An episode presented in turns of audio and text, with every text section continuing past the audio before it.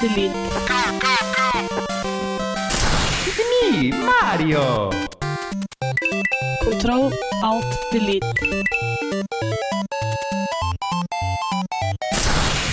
Unable to comply.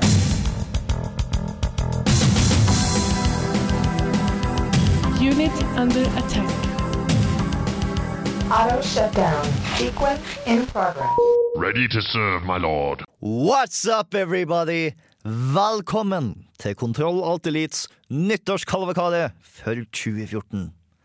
På slutten av hvert semester liker vi her i Kontroll å samle alle anmeldelser, reportasjer og lignende som vi har mekka i løpet av halvåret, og lage en podkast ut av det. Dette er andre gangen vi gjør det, så nå er det offisielt en tradisjon. Dette er fint for deg av dere som ikke har hørt alt dette semesteret. Men for de faste lytterne våre så er det ikke så masse nytt å høre. Ikke masse, men dere skal få litt allikevel.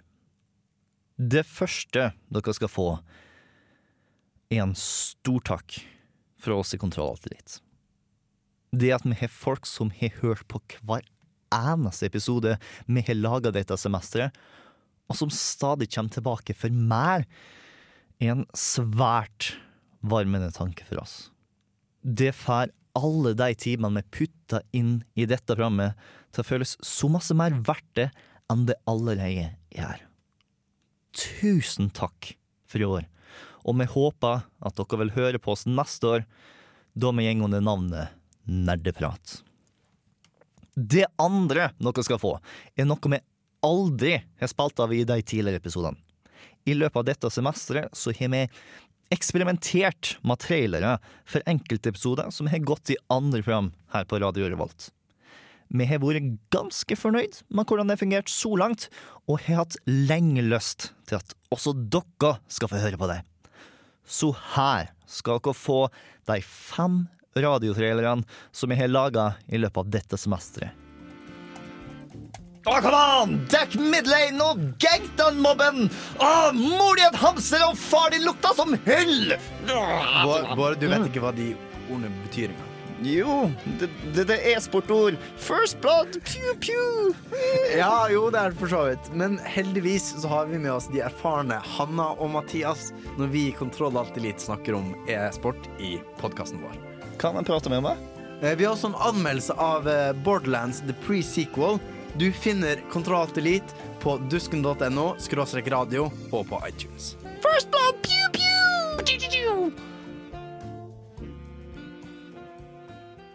This is Halloween, this is a boy! Hva du har på deg? Jeg har kledd meg som Solid Snake. Vi skal nå prate om cosplay i dagens sending av Kontroll Alt Elite. Um, ja, mens jeg liker det sykt detaljerte kostymet, altså superkudos, så skjønner jeg ikke helt hvorfor vi skal det. Jo, det er nå halloween, og da snakker vi om å kle oss ut i stedet for de sedvanlige skrekkspillene. Men, men, men Jeg som har spilt Five Nights at Freddy's for å forberede meg! Aleine! I mørket! Ja, ja, ja, drit i det! Vi får besøk med en haug av jenter som cosplayer som bare rakkeren! Dette blir bra. Finner Kontroll Alt Delete på iTunes og dusken.no som vanlig. Selvfølgelig. Å, herregud! Å, dette er den beste spillmanualen i Hellas! lest! Eh, Bård, det der er ikke en spillmanual. Det er en roman som heter Mogworld, basert på et dataspill. Uh, hæ? Så, så jeg kan ikke få spille det? Hvorfor leser inn da? Det er fordi temaet i denne ukens Kontroll Alt Elite er nemlig spillitteratur, altså bøker som er basert på spill, sånn som Mogworld er. Så jeg kan ikke spille Mogworld. Nei, det kan du dessverre ikke. Eh, Du kan heller ikke spille Ready Player One, som vi også skal snakke om i løpet av sendinga. Ah, damn it! Jeg har så lyst til å spille det! Ja, vel, da får jeg vel bare trøste meg med denne episoden, da. Veldig god idé. Eh, Den finner du i iTunes og på dusken.no. Å! Kan jeg få spille Under dusken? Uh, nei, Bård. Uh, vet du egentlig hva en spillmanual er? Kjære Gud, du som er i himmelen og alt det der. Bård fra Kontroll Alt Elite her. Hei! Lenge siden sist! Um, jeg vil egentlig bare fortelle det at denne uka så var temaet vårt religion i spill. Og siden du er så glad i at folk snakker om det, så vil du kanskje vite at vi diskuterte en del der. Uh, Det samme går for dere òg, Sevsodin, dersom dere også hører på. Uh, Nå vet jeg at du er allmektig, men dersom du vil finne oss, så kan du gjøre det på dusken.no og på iTunes. Og um, når vi først er i gang, så vil jeg også be om at vi får en Half-Life 3-annonsering snart. Det er gått en stund nå. Hmm, Verdt forsøket. Det var Bård ifra Kontroll Alt Elite. Leonispill og alt det der. Yeah. Tusen takk! Eh, Eller du vet. Amen.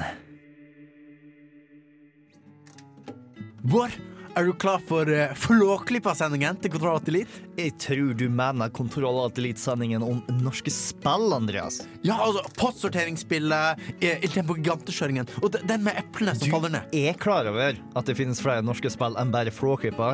Er det kommet Flåklypa 2? Nei, nei, nei, nei. Spill sånn som Den lengste reisen, Fun Run, Among the Sleep og Amfora, som jeg har anmeldt til denne sendingen. Vi kan liksom ikke gå inn i dybden på norsk spillindustri og utdanningsmulighetene rundt det, dersom alt bare var Flåklypa-spillet som kom ut for snart 20 år siden. Bare sjekk ut iTunes og Duskedhavna for å høre hva vi har å si om det. Men Bård, vet du hva annet som er på iTunes? Um, hva da? Postsorteringsspillet fra Flåklypa. Å, det er så kult, da! Jeg vet. Jeg liker den biten med frimerkene. Også når det kommer enda mer frimerker. At jeg vet! Wow! Og det var det for trailere. Vi skal se om vi ikke klarer å gi dere de vi lager neste semester, mens de fremdeles er ferske. Du vet, i motsetning til det dere kommer til å høre nå, som er stort sett alt vi har tatt og spilt av i episodene, så var dette halvåret. For de av dere som hørte på Sommerkalvakaden, så er det ikke umulig at de kommer til å gjøre noe lignende i gjorde på slutten av denne episoden. Kanskje de kommer til å gjøre det. Kanskje definitivt kommer til å gjøre det. Ikke, hvem veit? Uansett. Her har du høydepunktene til Kontroll Alt Elite høsten 2014. Du kan finne tidskoder for hva som blir spalt av, og hvem som lagde det, i episodeartikkelen på dusken.no. Nyt. Lommerusk. Lommerusk! Lommerusk, ja. Spill du får plass til i lomma. Hawkeye! Da Vinci er noe av det aller beste AppStore har hatt på lur lenge. Nå har deluxe-versjonen ankommet med mange forbedringer og støtte for Windows Phone og Android. I Da Vinci leker du vindgud mens du prøver å guide en varmluftsballong gjennom fargerike nivåer med rolig gitarplukkende musikk i bakgrunnen. Ved å tegne linjer skaper du luftstrømmer som sender ballongen seilende bortover landskapet. Og tegner du sirkler, skaper du virvelvinder som kan tømme innsjøer. Enkelt konsept og nydelig utført. Spillets rolige tempo gir deg muligheten til å ta en virkelig pustepause, men jeg sliter med å finne utfordringer. Skaperne har gjemt tre stjerner på hvert brett, som kan være farlige å samle inn. Men det å ha tre liv på en bane som varer i fem minutter, er litt overkill. Likevel priser jeg spillet høyt for å være forbaska sexy, og for å virkelig senke pulsen. Da Vinci er et sterkt bevis på at spill er kunst. Karakter åtte av ti.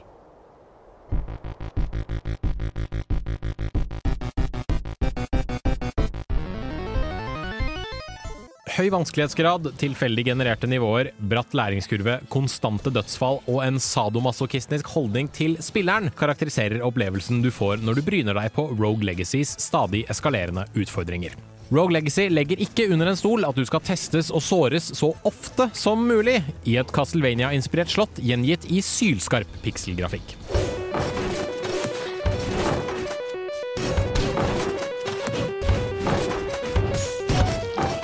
Som tapper ridder skal du forsere de mange monstrene, fellene og hindringene i Castle Hamson, et eldgammelt og forbannet slott som vokter en ungdomskilde. For å komme til slottets indre kammer må du bekjempe fire unike bosser og sløye så mange monstre som overhodet mulig på vei til målet. Det unike med Rogue Legacy er at når du dør, tar et av dine avkom over helterollen og fører arven etter deg videre. Du velger én av tre figurer med unike klasser, trekk og magiske ferdigheter. Velger du den fargeblinde barbaren som kan slå hardt, men farger alt i spillet grått? Eller velger du kanskje den lille ninjaen med muskelrykninger som gjør at han mister penger hver gang en fiende treffer han? Hvem du velger bestemmer måten du bør spille på, samtidig som deler av slottet blir både vanskeligere og enklere avhengig av hvilke trekk figuren din kommer med. Utstyr og oppgraderinger du har låst opp tidligere, blir videreført til den nye helten, slik at du er bedre skikket til å takle slottets utfordring for hver generasjon som kommer. Og de er det jaggu mange av. Både generasjoner og utfordringer. Slottet er nemlig fullstendig tilfeldig generert for hver gang du går gjennom, så du kan kun stole på dine egne ferdigheter med figuren din, og ikke kartmemorisering eller fiendeplassering. I likhet med mange spill innenfor den beryktede Rogalight-sjangeren preges Rogue Legacy av litt treg fremgang til å begynne med. De første par generasjonene er helten din veldig svak og ynkelig, men etter hvert som du låser opp bedre våpen, kroppspanser og oppgraderinger, blir du til en vandrende stridsvogn som sløyer monstre som en varm kniv går gjennom smør. Følelsen av å gå fra patetisk ridder til kompetent helt er utrolig godt gjennomført, noe mange moderne spill kan lære mye av. Har du is i magen og er lei av actionplattformspill som føles litt for lette, er Rogue Legacy definitivt spillet for deg. I motsetning til mange moderne spill føles seierne virkelig fortjent, og mestringsfølelsen er på topp hver gang du bekjemper en boss, en vanskelig fiende, eller kommer deg tørrskodd gjennom et tilsynelatende umulig område i slottet. Karakter åtte av ti. Lommerusk. Lommerusk! Lommerusk, ja. Spill du får plass til i lomma.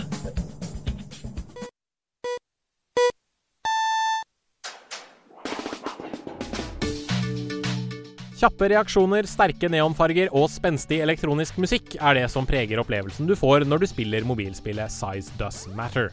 Takket være en enkel, men vanedannende spillmekanikk har norske DOS Studios klart å snekre sammen et morsomt og utfordrende lite spill som fungerer ypperlig som tidsfordriv.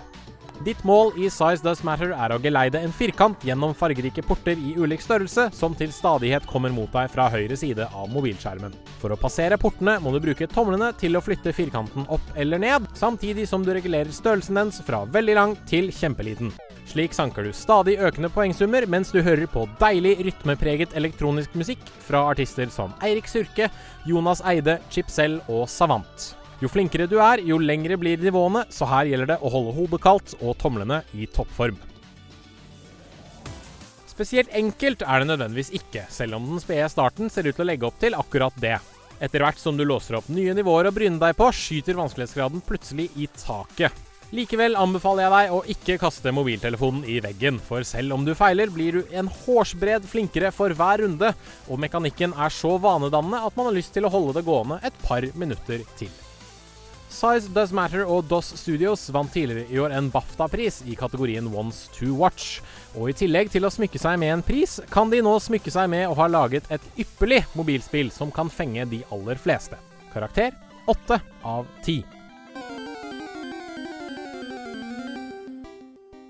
Visste du hvem de tre figurene i Arkadespillet Donkey Kong er? Eh, ja, det er Donkey Kong, Mario og Pauline, slik som vi kjenner dem i dag. Sa du kanskje. Ball én feil, og to eh, ikke bruk den stemmen der. Den får deg til å høres dum ut. Ha litt sjølrespekt. Sannheten er at de er tre helt forskjellige karakterer ifra de vi kjører gokart og spiller golf med i dag. Tror du ikke? Da begynner vi med den såkalte Donkey Kong. De som har spilt Donkey Kong Country-serien, burde være kjent med denne karakteren, sjøl selv om han har gitt navnet sitt videre til barnebarnet sitt og plukka opp et nytt et, nemlig Cranky Kong. Ikke en så overraskende avsløring, da han slenger ut kommentarer som Whisking off maidens and throwing barrels around the place seven days a week I was. That's how I got where I am today, you know. Hard work. Når vi legger til at gorillaer blir ferdig med pubertiteten i 8-9-årsalderen, og at enkelte gorillaer klarer å bli opptil 57 år gamle, så kan vi gjøre et konservativt estimat på at dagens Nintendo-spill foregår rundt 30 år etter arkadespillet Donkey Kong. Men det vil jo gjøre Mario 60-70 år gammel, sa du vel da. I en overdreven østlandsdialekt. Kom igjen, du klarer bedre enn det. Men ja, det vil gjøre Mario som vi kjenner fra Arkadespillet, så gammel. Den samme Mario, som ifølge spillbeskrivelsen var en snekker og en dyreplager. De fleste spillene med denne karakteren handler om at han er en drittsekk mot den originale Donkey Kong, at han holder Donkey Kong i fangenskap, slik at Donkey Kong junior, vår Donkey Kongs far, må redde den, eller havne i trøbbel fordi at Donkey Kong vil ha hevn etter all dyremishandlinga. Ikke helt likt den Mario vi kjenner i dag, som vel kanskje er litt arrogant til tider, men for det meste er en grei kar som ikke får peta på nakken. Hæ? Hva for noe? De protesterte mot den, men hvorfor de? Ta Tannukedrakta Å, Jesus! Uansett. Snekkeren og dyremishandleren Mario senior er faren til rørleggeren, atleten, doktoren, racingsjåføren, you name it, Mario junior. Og da blir det heller ikke noe stort hopp å si at Pauline, jomfruen i nød fra Arkadespillet Donkey Kong, er moren til både Mario og Luigi. Vent nå litt, Bård. Du har nå glemt Mario vs. Donkey Kong-serien, hvor Pauline dukka opp. Ha!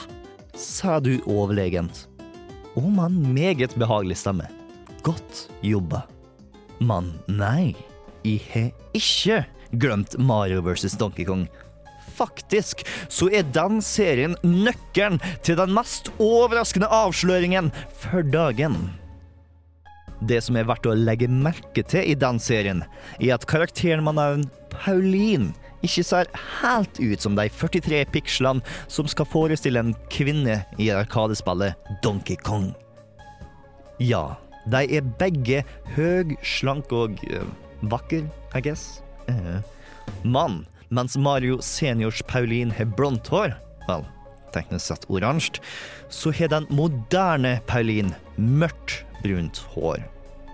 Det samme mørkebrune håret som følger et dominant gen, og som brødrene Mario og Luigi også har. Vent, mener du at Ja, kjære lytter.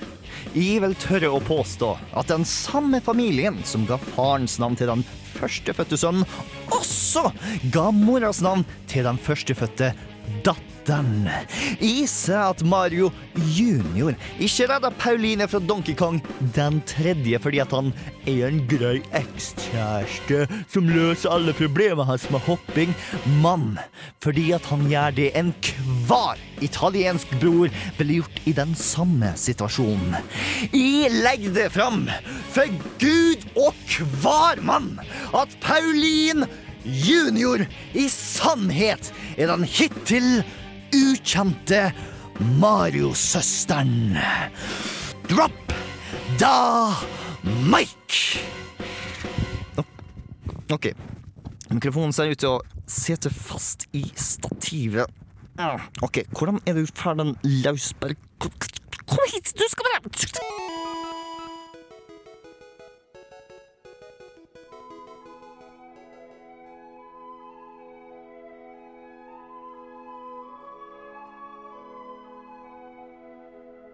Det var en gang, for lenge siden, cirka på det antikke 90-tallet, i flere land, langt, langt borte, at man plutselig fikk høre Happy Together av bandet Turtles på TV-høyttalerne.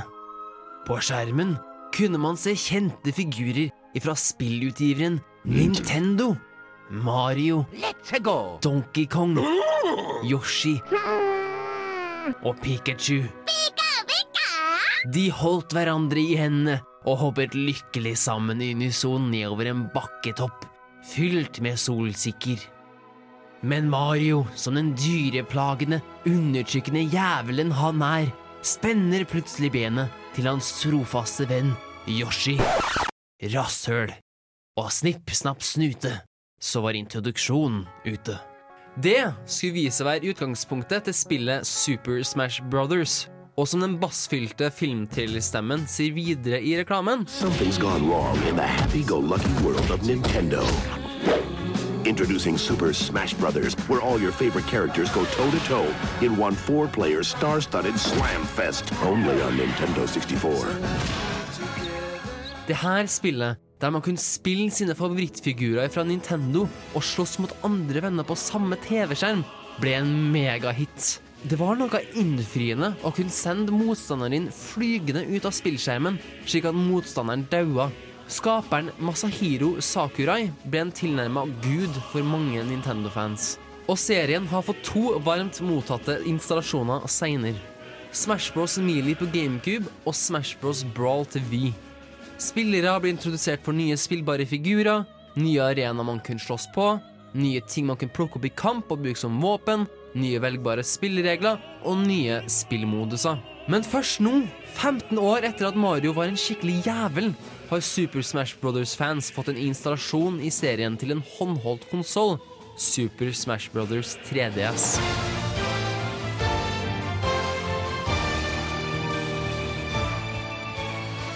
Som tidligere installasjoner har den her også nye arenaer, nye ting, nye spillmoduser og et bøttelass av nye spillbare figurer. Det første Smash Brothers-spillet hadde tolv spillbare figurer. 3DS-installasjonen har 51 spillbare figurer, som i tillegg kan modifiseres til bruk i spesielle kamper. Overveldet av figurer var det første som virkelig slo meg da jeg spilte Super Smash Brothers 3DS for første gang. Her er det nesten altfor mye å velge i, men det er virkelig et hashtag første verdensproblem. Videre bruker spillet challenges for å få deg til å utforske alt spillet har å by på. Utfordringene kan være alt ifra å spille en ny karakter tre ganger, til å slå en poengrekord i den nyeste spillmodusen. Motivasjonen til å sjekke ut dem her er at du kan låse opp eksklusive statuer du kan se på, nye baner, og potensielt låse opp nye spillbare figurer tidlig. For ut av de 51 spillbare figurene er 12 av dem låst i begynnelsen. Når det kommer til de nye spillmodusene, er de interessante i begynnelsen. Alle de her spillmodusene er bob-bob. Stedet der Super Smash Brothers 3DS virkelig skinner, er dens fordel som et spill på håndholdt. Muligheten til å når som helst spørre din 3DS-bærende kompis hvor som helst om 'Vil du spille en runde Smash?' Og kompisen svarer entusiastisk Jesus Christ, de heter er nesten framme, hva er vi på, la oss spille nå! Og at man da kan ha satt opp en kamp på Super Smash Bros 3DS innen to minutter via lokal wifi, helt knirkefritt og rett inn i moroa, er fantastisk. Her utnytter de virkelig maskinvaren til det fulle. De har klart å skvise ut det aller meste av maskinvaren til 3DS-en. Fire spillere via lokalt wifi simultant helt hakkefritt på 60 bilder i sekundet. Heseblesende action og intense øyeblikk. Veldig, veldig imponerende. Moro alene, awesome med andre. Karakter verdt å kjøpe. Ikke vent med Smash Brothers til VU i desember. Be in or be out. Falcon Punch! Team Funky blåser av sted igjen! Den største tabben folk gjør med Sleeping Dogs, er å tro at det bare er en billig GTA-klone. Ja, det er et sandboksspill, satt i en storby hvor du kan utføre biltyveri og andre lovbrudd. Og ja, det klarer ikke helt å nå GTAs detaljrikhet og enorme frihet, men svært få spill klarer å utfordre mesteren i sin klasse. Og Sleeping Dogs kommer lovlig nært. For ikke la det lure, Sleeping Dogs er det beste GTA-spillet Rockstar aldri har lagd. Mens spillmekanikkene som ligger i grunnen for spillet er veldig GTA, så er det aldri tvil om at Sleeping Dogs er sitt eget spill. Plasseringa i Hongkong informerer hvert eneste designvalg i spillet. Visuelt er det aldri tvil om at vi er kapitalismens høyborg i Kina, i stedet for en generisk amerikansk by. Radioen fylles med kinesisk musikk, og kinesisk slang glir ofte sømløst inn i dialogene til karakterene. Og i stedet for Rockstar sin satire av Amerika, serverer utviklerne United Front Games oss i stedet en hyllest til filmene fra Hongkong. Både krimthrillere som Internal Affairs og kampsportfilmene til Bruce Lee og hans kollega stand på menyen. Og med kampsystemet til Sleeping Dogs så føler du deg like kompetent som de gamle mesterne fra filmlerretet. Du kan godt beskylde Sleeping Dogs for å låne kraftig fra kampsystemet til de nyere Batman-spillene, men du kan ikke anklage dem for å ha sovet i timen. Sammen med det teite kjøresystemet, som viser hva United Fronts lærte fra Modern Nation Racers, er kampsystemet det mest tilfredsstillende spillmekanikken i Sleeping Dogs. Men den viktigste spillmekanikken i spillet er det dikotomiske erfaringssystemet. Karakteren du styrer i Sleeping Dogs, er Wei Shen. En politiagent som infiltrerer triadene fra bunnen og opp. Man var brutal, nådeløs og til tider direkte sadistisk går triadepoengene dine oppover, og du kan låse opp nye kampferdigheter. Men samtidig mista du politipoeng av å skade eiendom og uskyldige borgere. Dette tvinger deg inn i tankegangen til Wei Shen mens han blir dratt imellom verden han skal passe inn i, og verden han skal passe på. Dette går hånd i hånd med den velskrevne historien til spillet, som gjør det vanskelig for deg å ikke bry deg om dine brødre i triaden, som du egentlig jobber for å få bak lås og slå. Historien fungerer så bra at de ble skuffa på slutten av spillet, da det gikk opp for meg at de aldri ble tvunget til å velge hvor historien skulle gå. Narrativet hadde sugd meg så godt inn at jeg ærlig talt ikke visste om jeg ville forrådt triaden som jeg hadde opparbeida meg tilliten til, eller loven som jeg hadde via livet mitt til å opprettholde. Heldigvis stansa ikke denne skuffelsen med fra å nyte den forhåndslagde historien, som avslutta på en hjerteskjærende, men tilfredsstillende måte. Sleeping Dogs er godt mulig et av de beste spillene du gikk glipp av fra generasjonen som var, og et av de beste eksemplene på hvordan god spillmekanikk kan sette spiller og spillfigur enda nærmere. Nå som sjansen byr seg nok en gang, så anbefaler jeg det sterkt om å ta turen innom Hongkong. Ikke la denne sovende hunden ligge urørt nok en gang.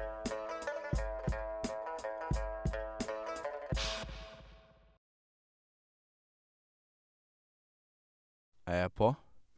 Hvorfor spilles det ikke av anmeldelse? Kjære lytter, beklager teknisk feil. Nå får du anmeldelse. Anmeldelse! Hvem har ikke lagt inn anmeldelse i systemet? Chris. Selvfølgelig.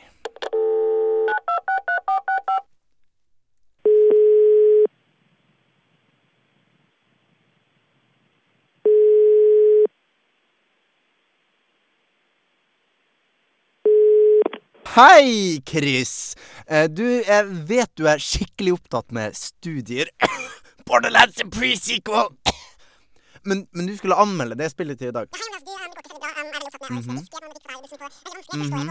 Om du ikke kommer hit med én gang, så melder jeg deg ut av Team Funky. Uh, hallo? Chris? Hallo? Hei, Borderlands er pre-sequel, er kult! Kjøp det! OK, ha det! Hei, hei, hei, hei, hei. Skikkelig, skikkelig anmeldelse. Greit.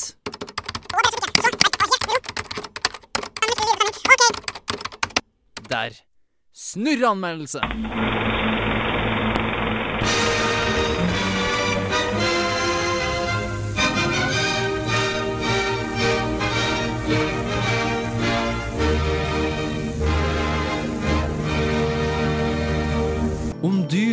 av de fleste førstepersonskytespill der du styrer en soldat på en slagmark og skal drepe så mange som mulig og ta over så mye som mulig og vise ferdigheter så mye som mulig, gi FPS-sjangeren én sjanse til.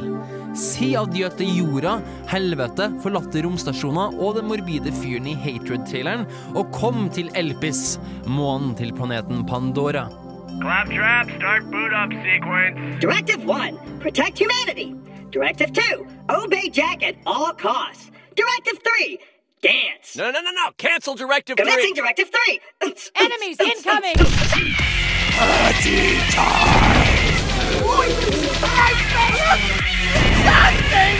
Uh, help, please?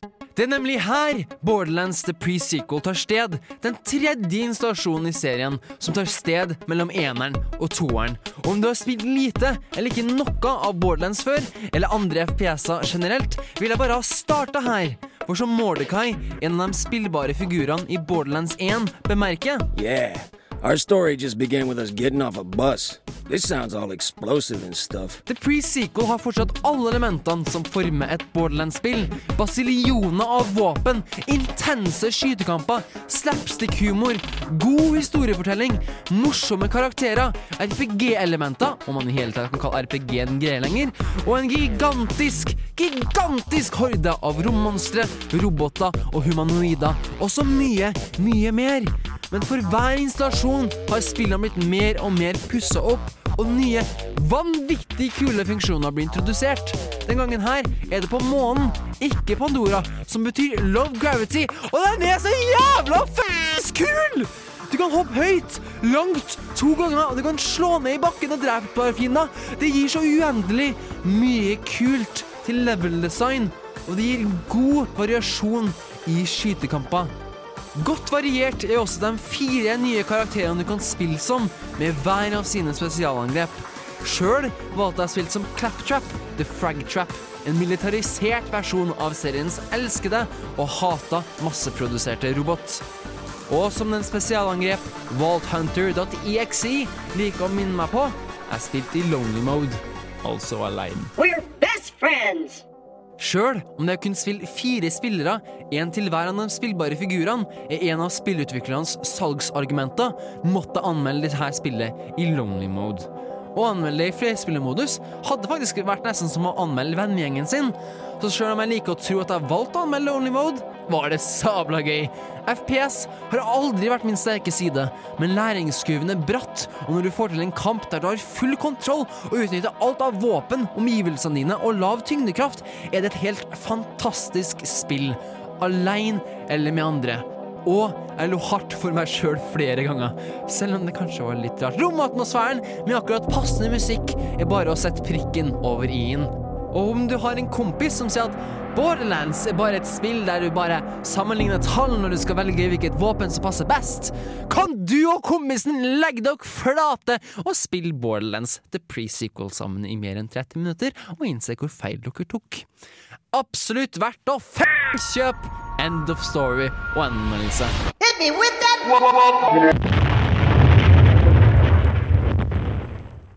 Hva slags spillkarakter kunne du tenkt deg å kle deg ut som til halloween?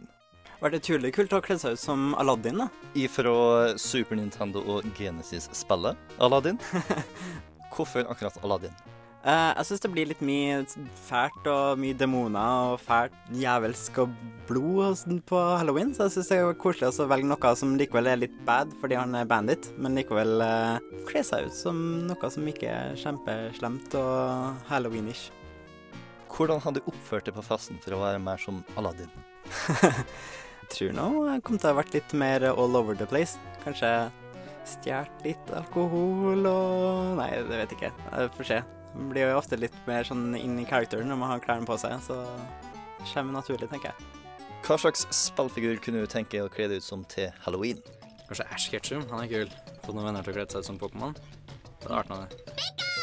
Jeg som eh, spiller Super Smash Brothers kompetitivt, kompetativt, eh, jeg hadde en diskusjon med et par kompiser. Alle sa at de ville helst kle seg ut som mainen min, og mainen min i det spillet er eh, Diddy Kong. Hvordan kunne du tenkt å kle deg ut som Diddy Kong? Det hadde nok vært T-skjorte, caps og kanskje noe brunt eller noe under for å etterligne pelsen. Antageligvis en uspesifisert fra fantasy RPG.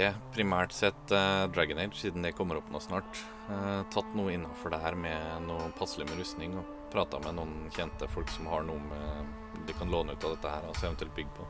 Hvordan har du laga rustningen din? Eh, jeg hadde vel tatt en ferdiglaga rustning, tenker jeg, og så eventuelt fått noe blikk eller andre ting som jeg kunne bygd på og skåret ut. Eh, ettersom hva jeg har av ressurser tilgjengelig, da. Men hvis mulig tatt en plasmaskjærer og skåret ut derfra. Commander Shepherd. Femkjøp eller mailkjøp? Mailkjøp. Nei, da, da ville jeg kjøpt, helt klart. Det er litt kjedelig løsning, men jeg har sett liksom, cosplay av folk som har shepherd-utstyr før, og det ser jævlig kult ut. og ikke noe sprekker i ansiktet, så klart. Jeg kunne tenkt meg å kle meg ut som Skull Kid fra The Legend of Zelda Majora's Mask. Eh, Grunnen til det er at jeg liker Zelda-serien veldig godt. Og eh, Majora's Mask er kanskje den mørkeste av eh, Zelda-spillene. da. Og det er liksom Skull Kid som er hovedobjektet som du skal overkomme i løpet av spillet. Så jeg føler det passer inn både i det at det er halloween, og at det er en av favorittkarakterene mine fra Zelda-serien generelt.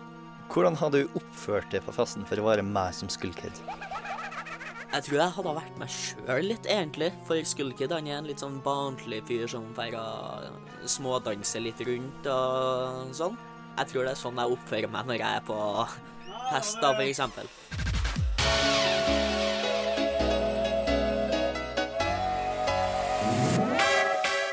For fire år siden ga de helsprø spillutviklerne i Platinum Games spillinteresserte verden over en unik lærepenge.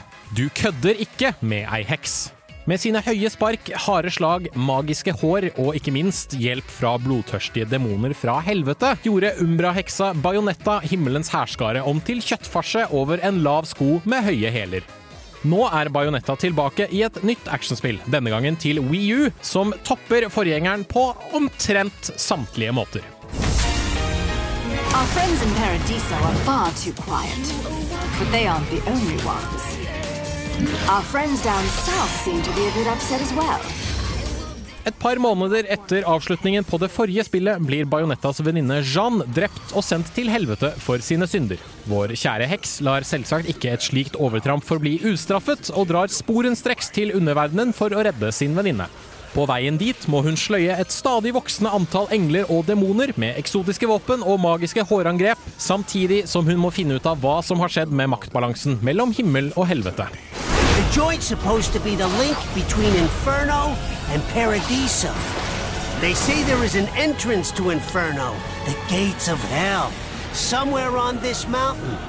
No one knows where, though.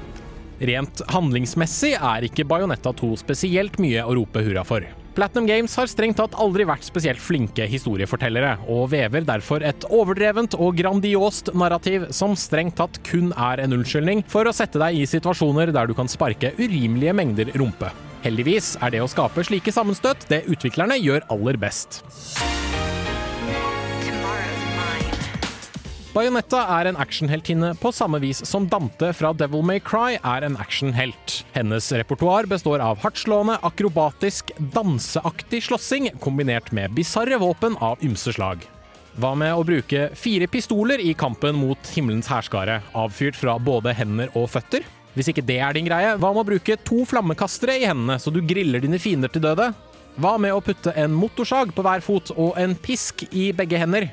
Ok, uh, hva med motorsag i hendene og sverd på føttene? Poenget er, valgmulighetene er mange, og eksperimentering med forskjellige våpen er en viktig del av den kaotiske og helsprø engleslakten. Actionsekvensene er, som forventet, ypperlig koreografert og regissert av spillets kreative leder Yusuke Hashimoto, under oppsyn fra skaperen av det forrige spillet, Hideki Kamiya. Utviklerne klarer å gi deg akkurat nok oversikt over bruduljene, slik at du kan se hva som foregår til enhver tid, men det er dine reaksjoner og angrep som styrer hvilken retning slåssingen skal ta. Dine motstandere slår hardt, og hvis du ikke er flittig med unnamanøvre og motangrep, skal det ikke mye til før livsmåleren går tom og alt tar slutt. Don't fuck with Bajonetta 2 er et storslått og hyperaktivt actionspill som virker utelukkende skapt for å tøye strikken lengre og lengre for hver gang du spiller. Det finnes knapt et kjedelig øyeblikk i dette herlige, fargerike sammensuriet av japansk action, europeisk hekseri og kristen mytologi. Karakter 9 av 10.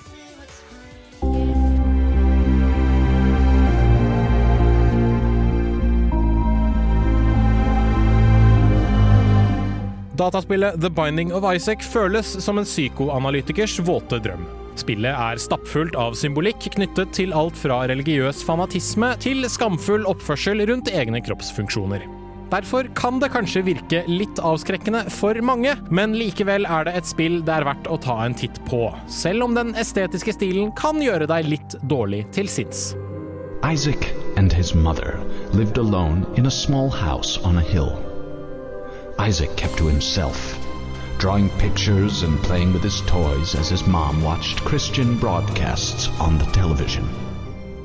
Når Isaacs dypt religiøse mor begynner å høre stemmer ifra oven, tar hverdagslivet for de to en brå vending. Hun blir overbevist om at sønnen er korrumpert av synd og ondskap, og tar fra ham klærne, lekene, tegnestiftene og spillkonsollene. Men dette er likevel ikke nok for Isaacs mor. To prove your love and devotion, I require a sacrifice. Your son Isaac will be this sacrifice. Go into his room and end his life as an offering to me to prove you love me above all else. Isaac, watching through a crack in his door, trembled in fear. Scrambling around his room to find a hiding place, he noticed a trap door to the basement hidden under his rug. Without hesitation, he flung open the hatch, just as his mother burst through his door and threw himself down into the unknown depths below.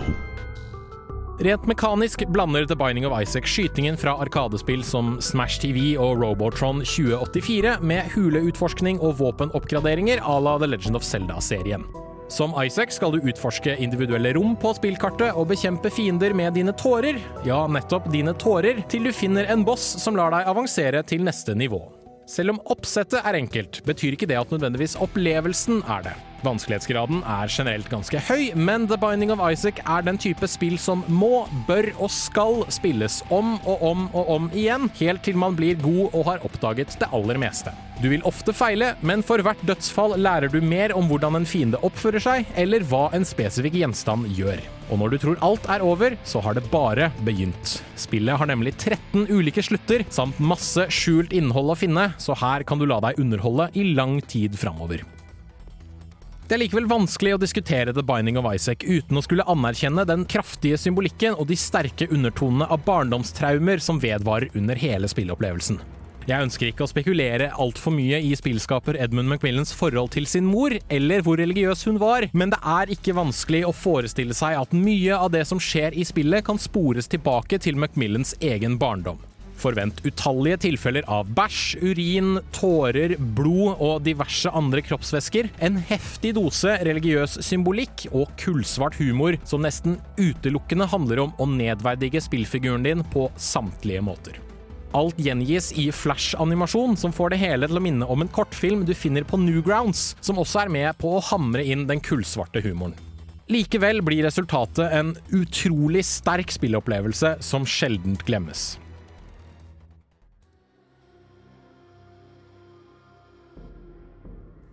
Amfora er debutspillet til det norske spillstudiet Moondrop, hvor du tar på deg rollen som en magisk krukke. Av typen Amfora, naturlig nok. Du utfyller oppgaven av å være den urokkelige beskytteren og statiske følgesvennen til en jente, og etter hvert hennes elskede, fra tidlig barndom til voksen alder. Gjennom krig og kjærlighet. I både gode og onde dager. For å løse problemer rundt det, så kan du flytte på objekter og binde deg sammen med magiske bånd innenfor en viss radius rundt krukka. Et enkelt oppsett som Moondrop klarer å skape mange interessante problem ut av for spilleren å løse.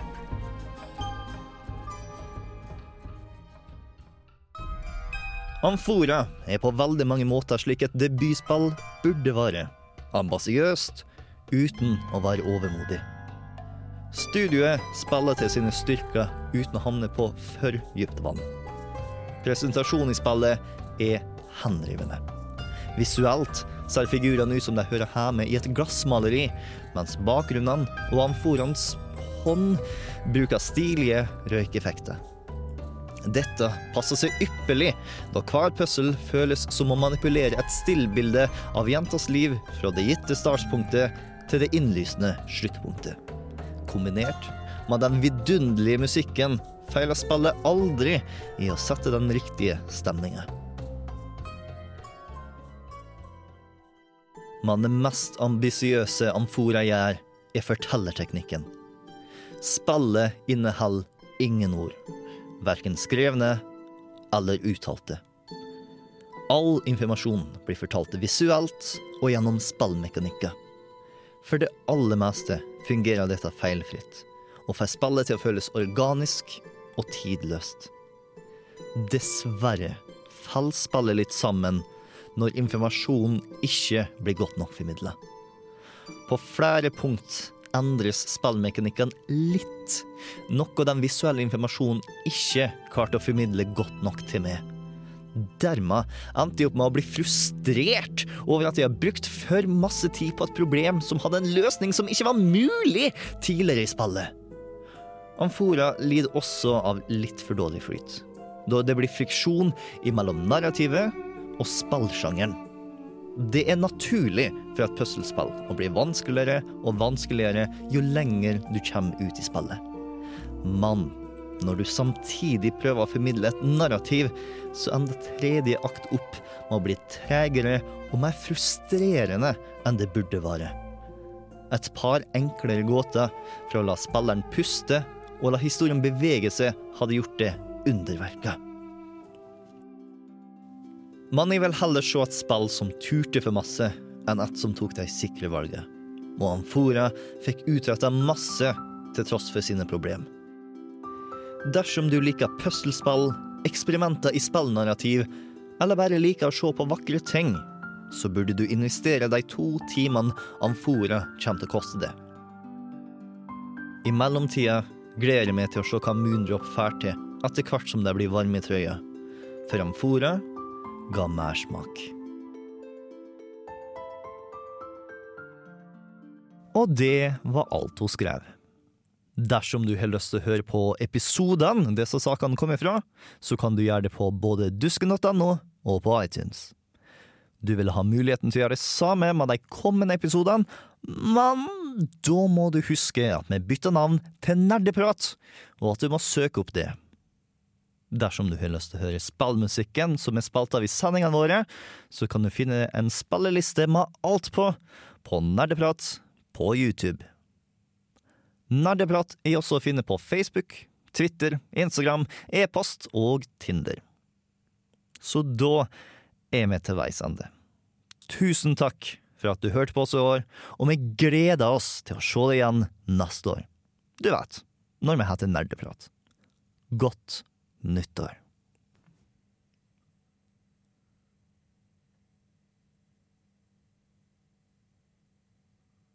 Er vi fremdeles der? Bra. La oss kose oss litt. Som gjorde nå forrige kavalkade, som er kavalkaden, og som jeg hinta litt til tidligere i denne episoden, så har jeg lyst til å gjøre litt ekstra på slutten. Sist gang så kom jeg med et par anbefalinger på podkast, i tilfelle dere har lyst til å slå igjen litt tid i sommerferien. Eh, og i, dag så skal jeg også anbefale noe som ikke er spill. Fordi at vi, vi, snakker nok om spill i Kontroll Alt Elite, og det som nå blir nerdeprat. Altså, du, du, du vet allerede hva slags spill jeg har lyst til å anbefale til. personer fire. så kom an, spill det. Men det er ikke det vi skal prate om nå. Uh, jeg går for øvrig nå uten manus, så var litt tålmodig med meg. Det blir kanskje litt mer æ, ø, å enn det vanligvis blir. Uh, men jeg har lyst til å snakke om tegnefilmserier. Jeg har lyst til å snakke om cartoons, fordi at det er ikke noe som bare er for småunger. Som jeg er sikker på at veldig mange av dere vet, men forhåpentligvis så er det i hvert fall noe her jeg kommer til å anbefale noe som ikke alle sammen vet er bra stuff. Fordi at uh, jeg skal ikke snakke om klassikerne, jeg skal ikke snakke om Flintstones, jeg skal ikke snakke om Batman The Animated Series, jeg skal ikke snakke om Samurai Jack, jeg skal ikke snakke om Gargoyles, jeg skal ikke snakke om noe av det. Jeg skal snakke om det som har kommet ut i løpet av 2014. Fordi at det kommer veldig masse bra, egentlig. For det jeg liker veldig masse med moderne tegnefilmserier, er at de klarer å beholde litt av den crazy biten til 90-talls tegnefilmserier. Du vet Ren and Stimpy, Cow and Chicken. Det var bare Til tider så føltes det ut som at de bare kasta ting på skjermen bare for å frike ungene ut, og litt ADHD og sånt. Ting roa seg litt ned, for det meste. Men det har liksom den eksperimentelle og kunstneriske ånden som de har på 90-tallet, samtidig som de har mer substans. Samtidig som de har lyst å faktisk lære litt lekser som faktisk før en 25 år gammel mann er merkelig nok fremdeles relevant. Kanskje for dere. Kanskje dere er mer voksne enn meg og tegnefilmserier ikke kan si noe som har som livet. Da lever du enten et veldig merkelig liv eller et veldig lite merkelig liv. Alt ettersom. Uansett. Eh, det som alle sammen burde ha fått med seg på dette tidspunktet, hvis du har litt interesse for moderne tegnefilmserier, er Adventure Time. Come on and grab your friend, we're going to very distant lands. Eh, om du ikke om det ikke ringer en bjelle, så har du sikkert sett eh, en oransje hund og en blå gutt, en gutt i blå klær og hvit eh, topphue som har sverd og fer rundt på eventyr. Det er Adventure Time. Det har nå gått i seks-sju sesonger på Cartoon Network. Veldig masse av dette er crazy 90-tall, samtidig som ganske gode sosiale budskap i bunnen der. Grunnen for at jeg trekker det fram, er ikke fordi at det har et sånn fantastisk godt år i 2014, selv om det er Adventure Time, det har alltid et godt år, men fordi at det er et par serier som ligner veldig på det. Så de av dere som liker Adventure Time, eller som har lyst til å ta og få en liten smakebit på denne typen tegnefilmserie, burde kanskje starte med. Eh, og det eh, Den første er skapt av Pendleton Ward, som er en samekar som skapte Adventure Time. Bare at det gjorde han ikke på Cartoon Network, sånn som Adventure Time var. Dette gjorde han på YouTube, for å ha sånn full kreativ artist license ting, ting, ting. Ikke noen produsenter som sa nei. Så hvis du drar inn på den kanalen som heter Cartoon Hangover i ett ord, så vil du finne en serie som heter Bravest Warriors. Og den er ganske lik Adventure Time. Eh, begge to har veldig lik tegnestil, humor, og eh, varierer ofte mellom det å fare ut på eventyr og redde verden, og det å bare ha problemer kompisene dine hvor de ikke snakker skikkelig, og hvor du, du kan få en liten god moral ut av det. Forskjellen er at Adventure Time er fantasy minner meg en god del om Zelda, Dungeons and Dragons og litt Munchkin. Kanskje delvis fordi at de har satt Adventure Time Munchkin. Anyhow. Mens eh, Bravest Warriors er sci-fi. Der har du eh, en vennegjeng på fire stykk som fer rundt på romskip og fer på oppdrag i redde verden. Av og til så har de filmkveld, av og til så gjør de store ting, små ting, uansett. Morsomt. Ti minutters episode, helt gratis. En av de kuleste karakterene. Catbug.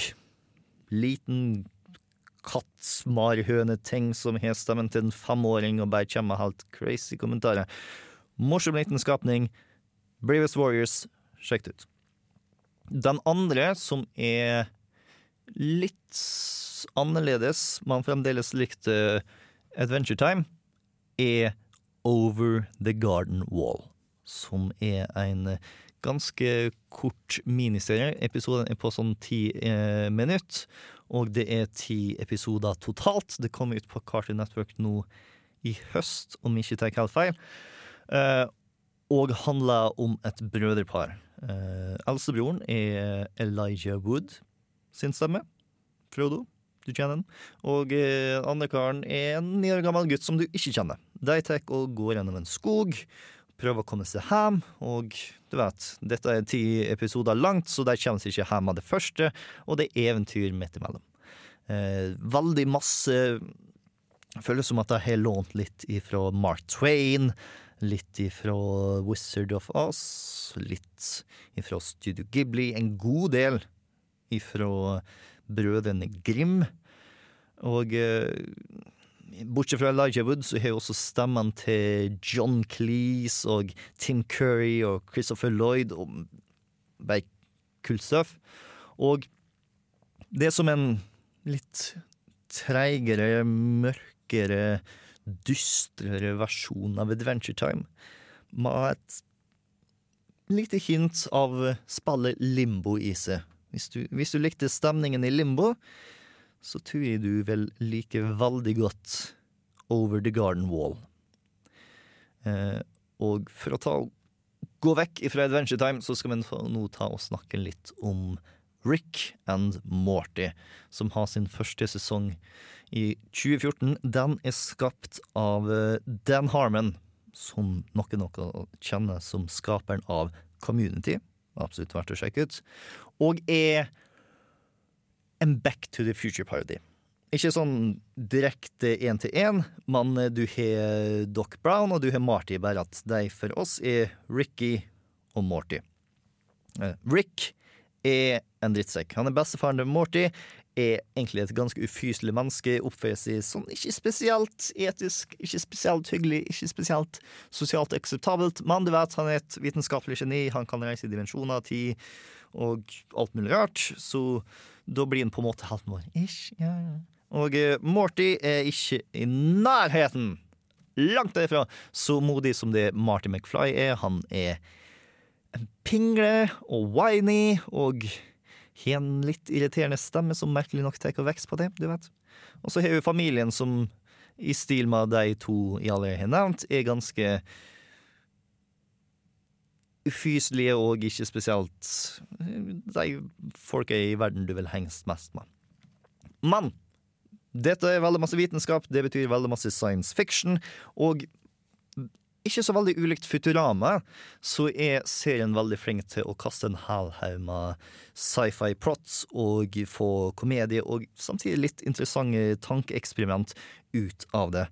For eksempel så eh, en episode så har Ricky Morty tenkt seg ut på eventyr. Familien har lyst på hjelp, og Ricky bare tar og legger igjen en boks hvor du trykker på knappen, så tar det å dukke opp en menneskelignende skapning og løser problemet for det. Selvfølgelig så gjør skapningen har kun én jobb, og det er den jobben du gjør. Du må gi en ganske klar og direkte beskjed, og familien er helt elendig til det og gjør det litt for kompliserte. Og når et golfhandikap ikke klarer å bli løst, så plutselig så trekker skapningen og trykker på boksen for å få en skapning til, og den skapningen gir opp og får en skapning til, og til slutt så har du nærmere en invasjon av folk som har lyst å ta og forbedre et golfhandikap som ikke er ferdig til. Det kom ut på Adult Swim nå i år. Verdt å sjekke ut. Ikke det du har lyst til å se med småsøsknene dine, fordi dette er litt opp i aldersgrense, men fremdeles veldig morsomt, spesielt om du liker Futurama og eller Community. Eh, neste jeg har lyst til å snakke om, er Gravity Falls, som stjal en god del av eksamensperioden min da jeg oppdaget den, fordi Jesus Christ, dette er veldig, en veldig kul serie. Det handler om et tvillingpar, en jente og en gutt, på sånn tolv år, som blir sendt til Oregon for å henge med gamleonkelen sin i sommerferien. Og der så skjer det mange merkelige ting. Supernatural, weird law. Og du vet, vampyrer og eh, gnomer og eh, aliens, tidsreise, alt mulig rart. Igjen, du vet, sci-fi, som du kanskje la merke til med både Rick and Morty og Bravest Warriors er noe jeg liker. Veldig morsomme karakterer. Jeg er spesielt glad i uh, gamleonkelen til tvillingparet, onkel Stan, som er minner meg veldig masse om onkel Skrue. På den måten at uh, du vet at når han var yngre, så var han ute på eventyr, men nå så er han bare gammel og prøver å lure penger ut av alle sammen som besøker turistfellet hans, fylt med skapninger som ironisk nok er skapt for å se supernatural ut, men ikke er det i en by hvor ting faktisk skjer som er supernatural. Og til slutt så vil jeg snakke om The Legend of Korra, fordi det har en veldig spesiell situasjon nå i 2014, fordi den Nickelodeon vet ikke hvordan den skal behandle eldre publikum. Den er vant til at eh, når folk blir 14, så slutter de å se på Nickelodeon, og de bare tar og går etter de som blitt født før det. No- Men når du har The Legend of Korra, som har godt voksne publikum, så visste jeg ikke helt hva jeg skulle gjøre med det.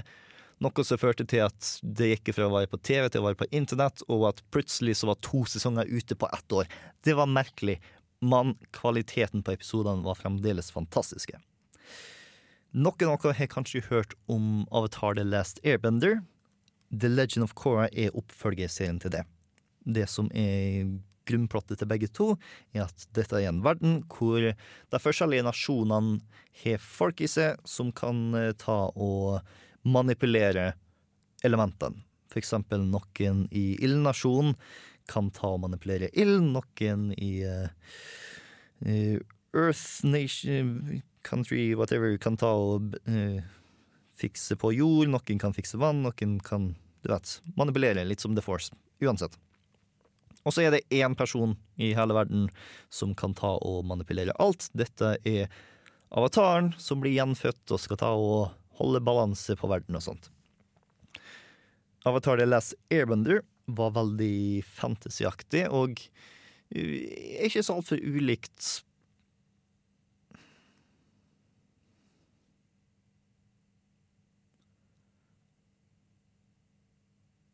Avatar The Last Airbender var ganske fantasyaktig. Med en eh, nasjon som skulle ta og invadere hele verden, og de heltene våre som var på sånn tolvårsalderen, skulle ta og eh, stanse invasjonen, alt mulig rart.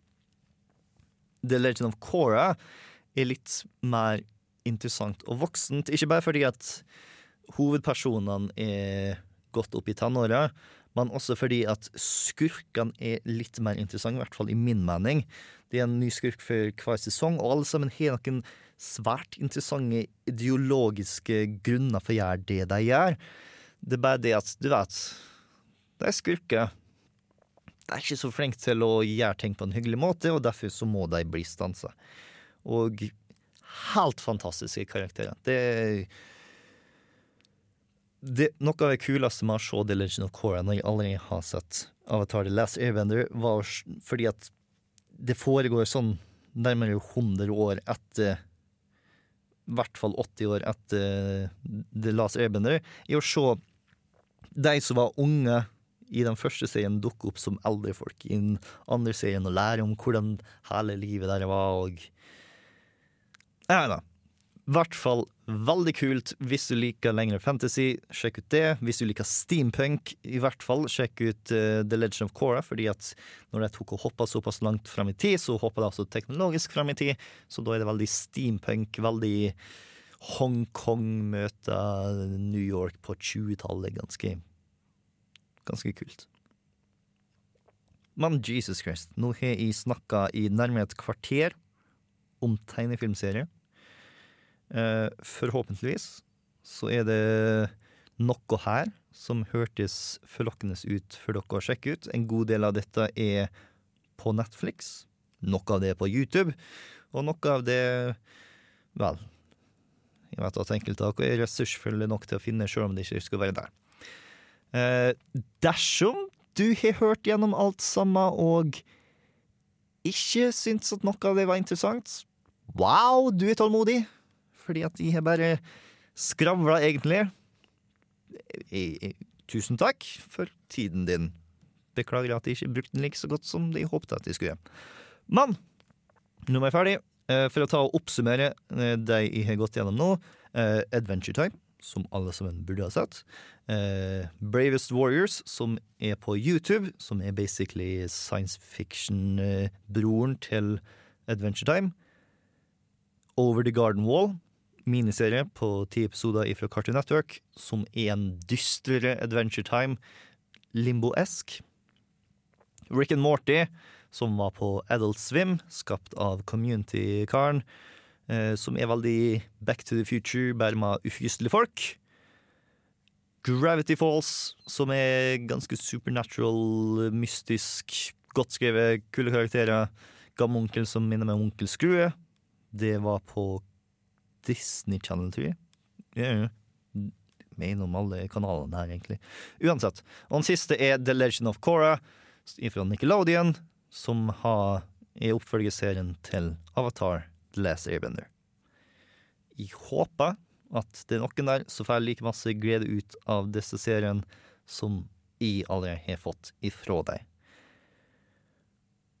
Og nå skjønner dere hvorfor det er en fordel å putte andre mennesker i et studio med meg, fordi at nå har jeg snakka i nærmere 20 minutter uten å holde kjeft, og det er ikke vanlig for meg.